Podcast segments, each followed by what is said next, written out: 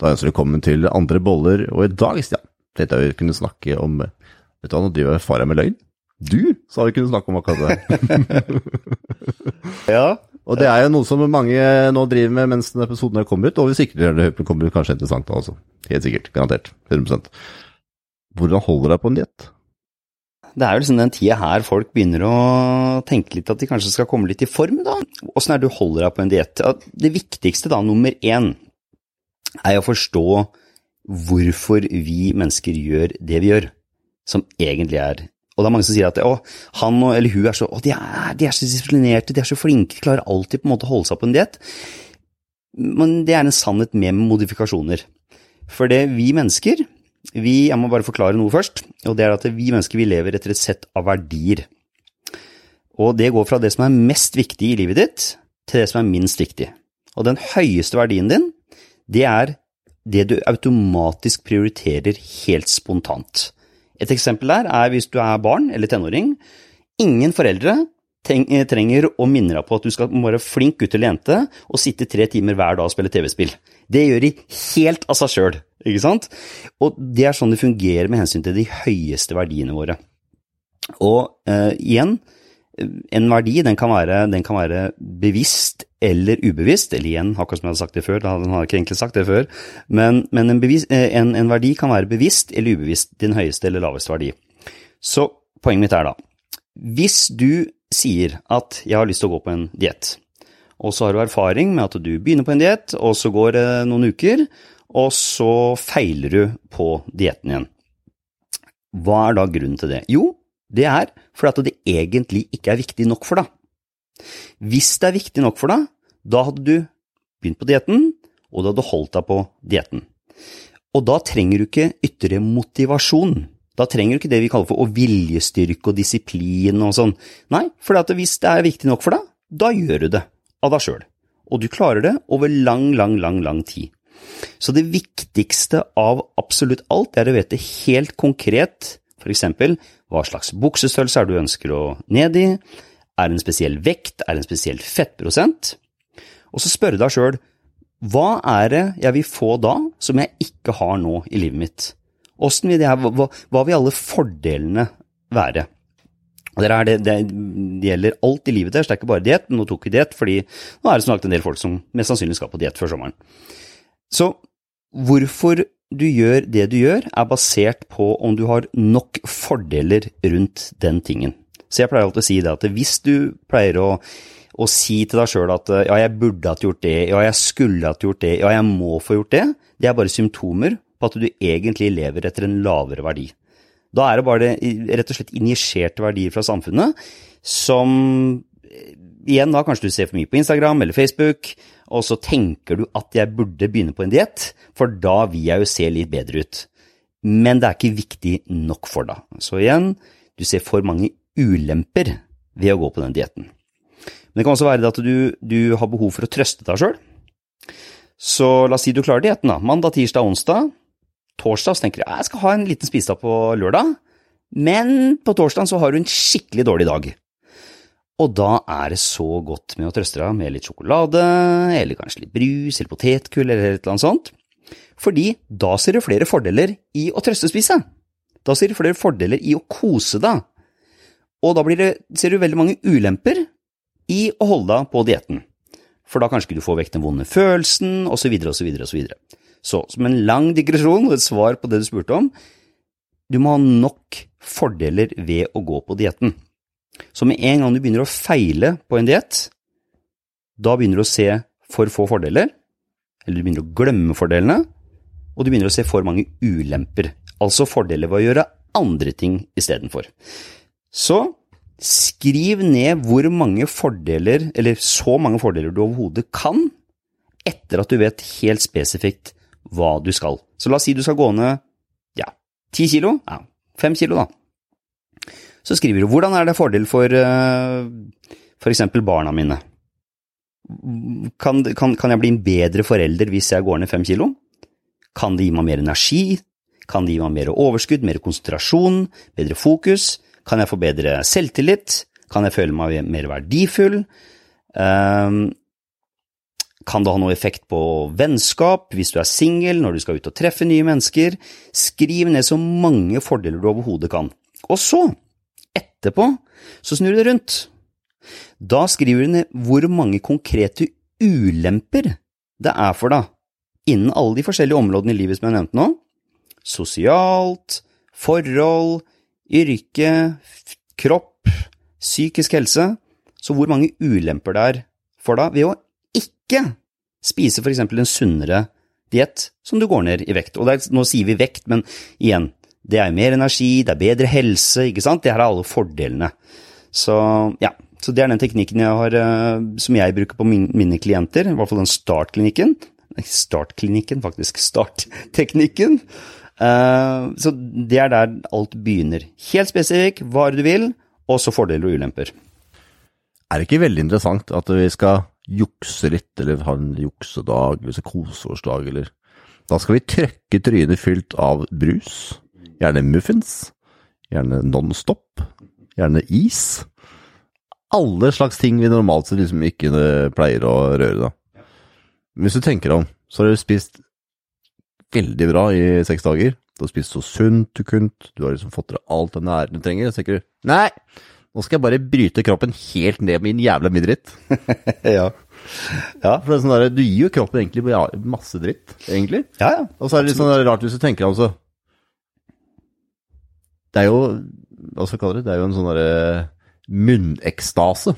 Mm. For, for, kroppen så er det bare ikke noe du burde ha i det hele tatt. Ja, mouth pleasure. Ja, Så tenker du ja, ok, nå skal, jeg, nå skal det være munnekstasedag. Helt riktig. Framfor å tenke at hm, hva er egentlig ulempene i med å gi meg selv munnekstasedag? Hvis du liksom tenker sånn helsemessig, da. Så, så trøkker du kjeften full av to kilo med søtningsmiddel og ting som ikke egentlig er så veldig heldig. Så blir det sånn hm, Er det egentlig noe særlig jukse for da? Absolutt. Absolutt. Det er, det er litt interessant, det. for det på Mentalterapeutpodkasten hadde jeg akkurat uh, intervju med en dame som var uh, ekspert på sukkeravhengighet. Og det var utrolig interessant å høre at veldig mange avhengige stammer på en måte fra det med sukker.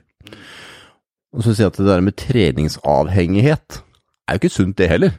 Hvis det på en måte blir sånn at det går på bekostning av familie og alle andre ting, så er det der avhengigheter er litt utfordrende. Da tenker jeg den der, hvis du har vært så god da, at du har klart å gå i seks dager, og så plutselig så trekker du kjeften full av alt mulig som igjen stimulerer kanskje den avhengighetsgreia som du har av sukker, så er det litt tilbake til scratch igjen.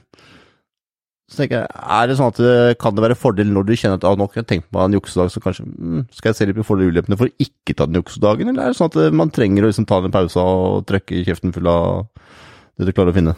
Veldig godt poeng. Eh, og ja, igjen, kjempegodt poeng. Det er da du faktisk kan bruke den teknikken her på den cheat dayen også. Uh, hva, vi, hva, er rett og slett, hva er ulempene med det? Jo, ikke sant, det er som du sier, du får skyhøye insulinnivåer, du får faktisk skyhøye adrenalinnivåer også. Så du sier søtningsmiddel, transfettsyrer, du overbelaster kroppen. Det er det samme som vi vet at eh, jeg, jeg ville ikke gjort det allikevel, men det er bedre å drikke et halvt glass rødvin uh, hver dag enn å drikke liksom én flaske på styrten på, ja, uh, på, på f.eks. lørdagen. Og nå er jeg ikke, jeg håper å si, og det her er det jo mange mange, mange mennesker som gjør. Når jeg sier et halvt glass rødvin Mange mennesker som drikker ett glass og kanskje halvannet glass hver dag også. Men, men poenget mitt er det at da kan du igjen bruke den teknikken her, fordeler og ulemper, ved å faktisk ved å skulle ha den, den cheat-en der også. Og vi først snakker om det med vin, da. Så er det sånn at Hvis jeg husker riktig nå, så i en vanlig vin som ikke er økologisk, fant man ca. 230 forskjellige sprøytestoffer. Kan, kan ja, det tror jeg faktisk stemmer. Er, er det rundt, ja. Var det rundt den gang? Helt sinnssykt. Så jeg tenker, hvis du da snakker om fordeler og ulemper, jeg kan si at episoden kan handle om fordeler og ulemper, mm. så er det sånn Eh, skal jeg velge vin som uh, ikke er økologisk, eller skal jeg velge økologisk vin som har 230 sprøytemidler mindre enn andre? Mm -hmm. For det ulempene. og, og, og som faktisk ikke er noe særlig dyrere engang. Nei, økologisk mat er jo dyrere, dyrere. Men, men, økologisk vin ja. er faktisk ikke noe dyrere engang. Jeg er ganske inspirert man velger. Jeg hadde en annen uh, podkast her, en, også på sammen samme mentalterapeutpodkasten, med en fastlege som hadde fått kreft. Det var en ganske interessant historie. for det hadde, han kjente han hadde litt energi og sånn, så hadde han tatt en sånn eh, genprøve. Så hadde han sett det at eh, der var han eh, disponibel for Det var noe brukspyttelkjertelkreft, tror jeg, og så var det en annen type kreft. Og så hadde han tenkt ja, ok, få sende noen prøver, da. Hadde som aldri vært noe særlig sjuk, og når lege tenker å ordne seg alt sammen sjøl, ikke sant. Og der hadde han funnet to typer kreft.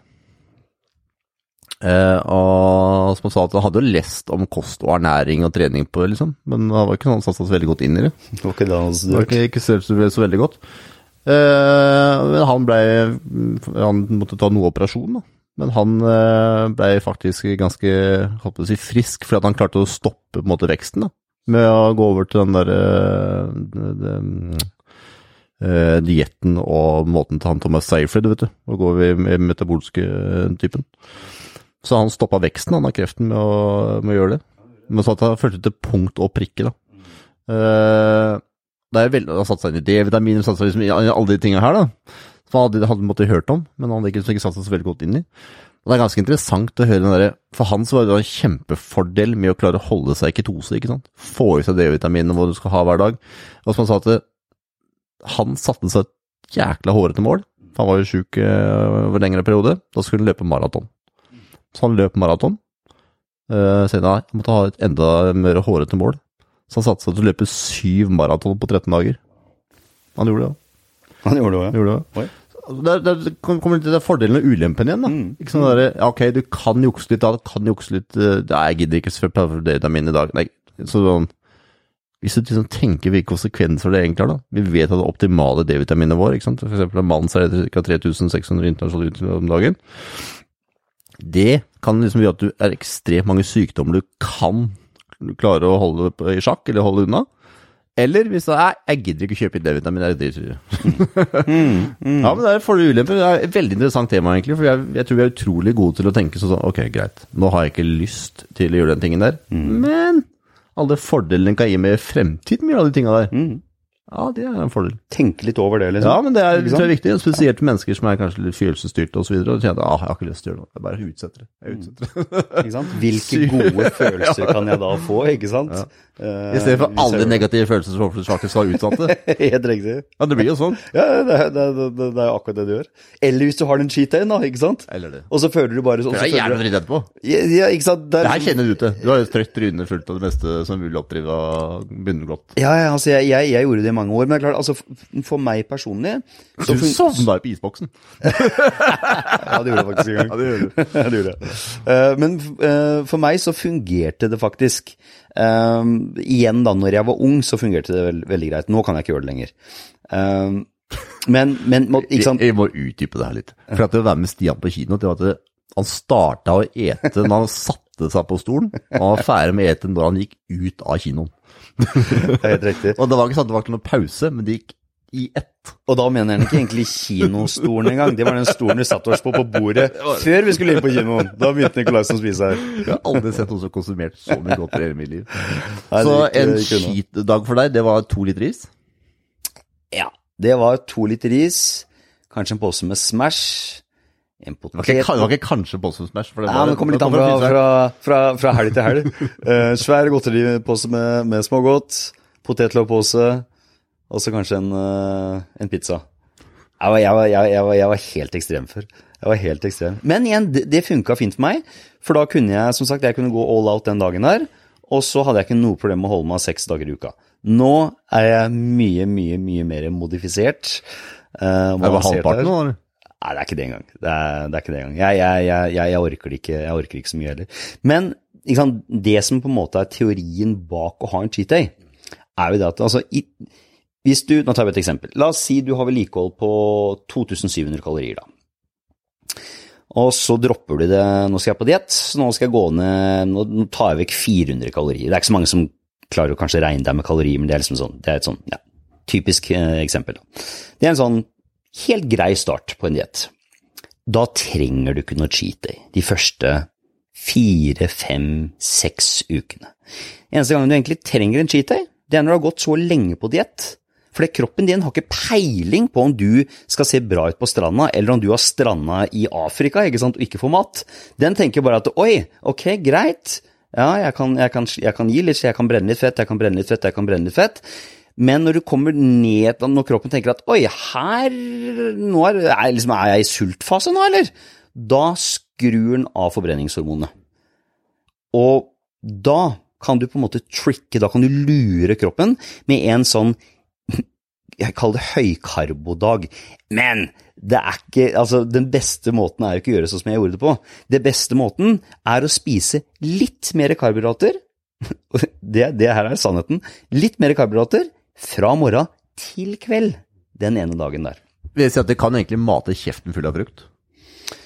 Ja, men Eller- problemet der er at det er fruktose, og fruktose skal du ikke ha så veldig, veldig, veldig mye av. Selv når du har det samme fiber? Eh, Selv når du har det samme fiber? Eh, Det som er greia, er at kroppen klarer ikke å, klarer ikke å konvertere mer enn rundt 60-70 gram fruktose i løpet av en dag. Resten da blir veldig belastning for levra di. Ok.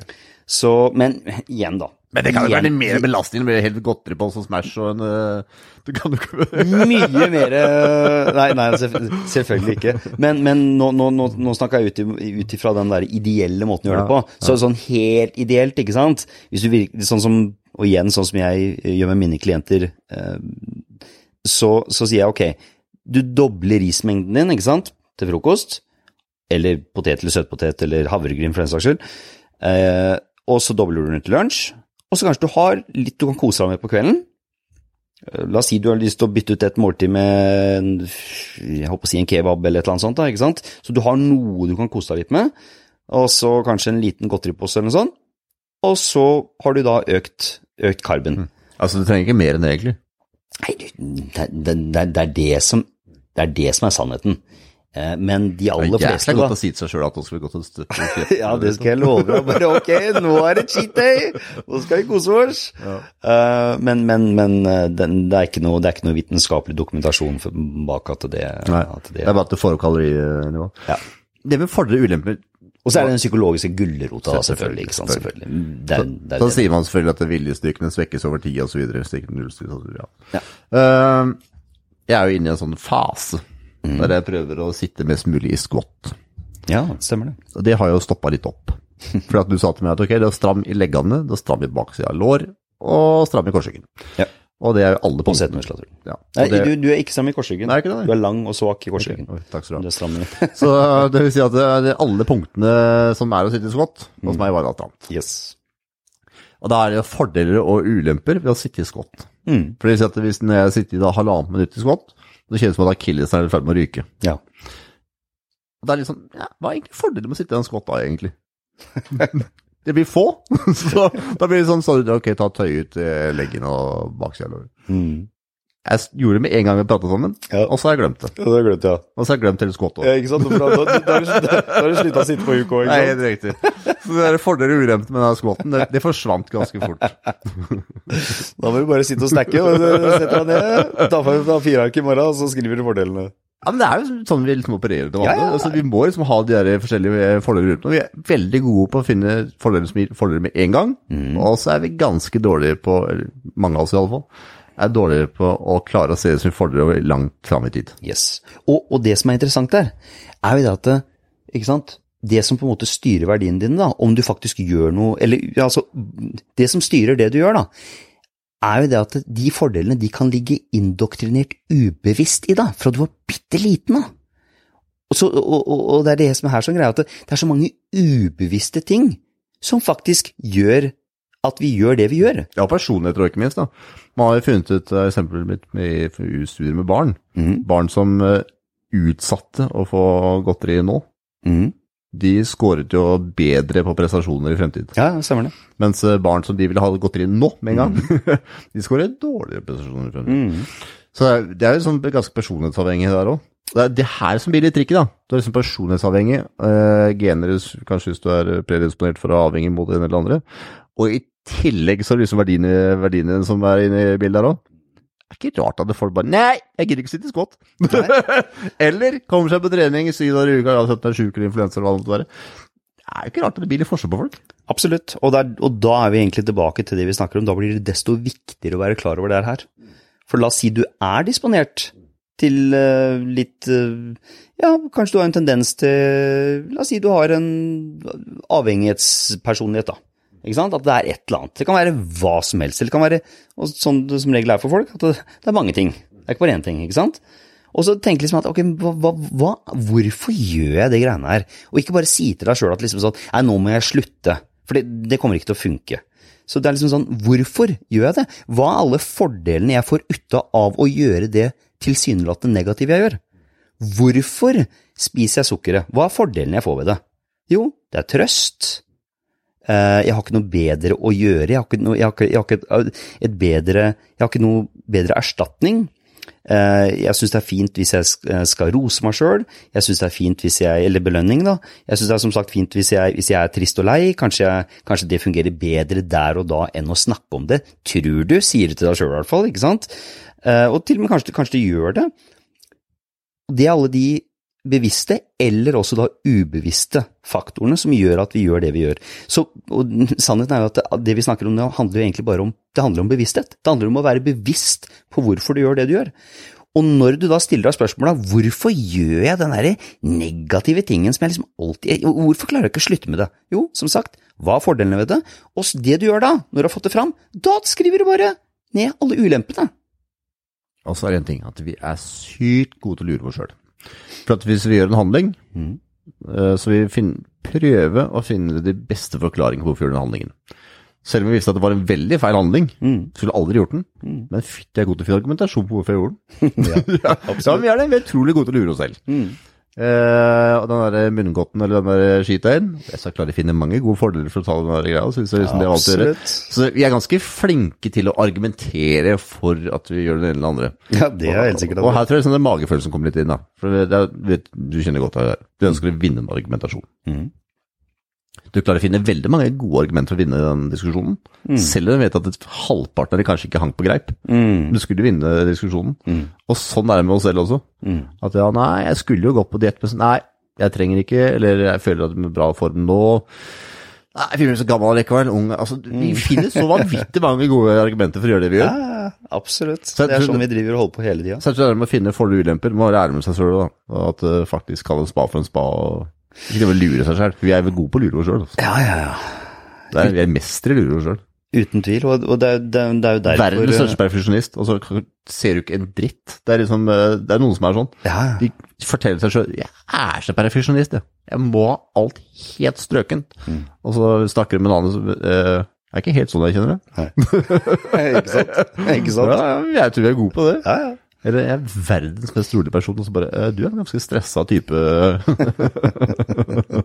ja, nei, jeg, som sagt. Så du setter fordeler og ulemper, så er det viktig å legge merke til å være ærlig med seg selv. Mm. Vi er gode til å lure oss selv, for det føles så veldig godt. Alt begynner med sannheten. Ja, og den kan være Den kan smelle deg i trynet. Mm. Ofte så hører jeg at hvis det er noen som sier til deg som kjenner Å, den er dens vei, så er det ofte ikke sant om sannheten. Godt sagt. Sånn at det ikke er helt på trynet, som jeg sa. da. Det er veldig ofte i nærheten. Når vi først snakker om det med som jeg sa i stad med D-vitaminer, og husk å få i, få i oss ting som er viktig å få i oss, da. Hva er det du tenker er viktig å få et tilskudd? Er det, er det kollagen, f.eks.? Er det D-vitaminer? Altså er det, er det fiskeolje? Hva er det som er viktig hvis vi snakker om fordeler og ulemper? Hva er det liksom blir satt øverst på lista, over hva er viktigst å passe på å få i seg? Nei, altså, det jeg syns alle burde få i seg, er omega-3 og D-vitamin. Det er liksom sånn Hvis du skal ha i deg noe som helst, så få for guds lov i deg nok omega-3 og nok D-vitamin. Eh, igjen, eh, vi har snakka om det på tidligere podkaster, men? Det, det har så uhyre mange fordeler.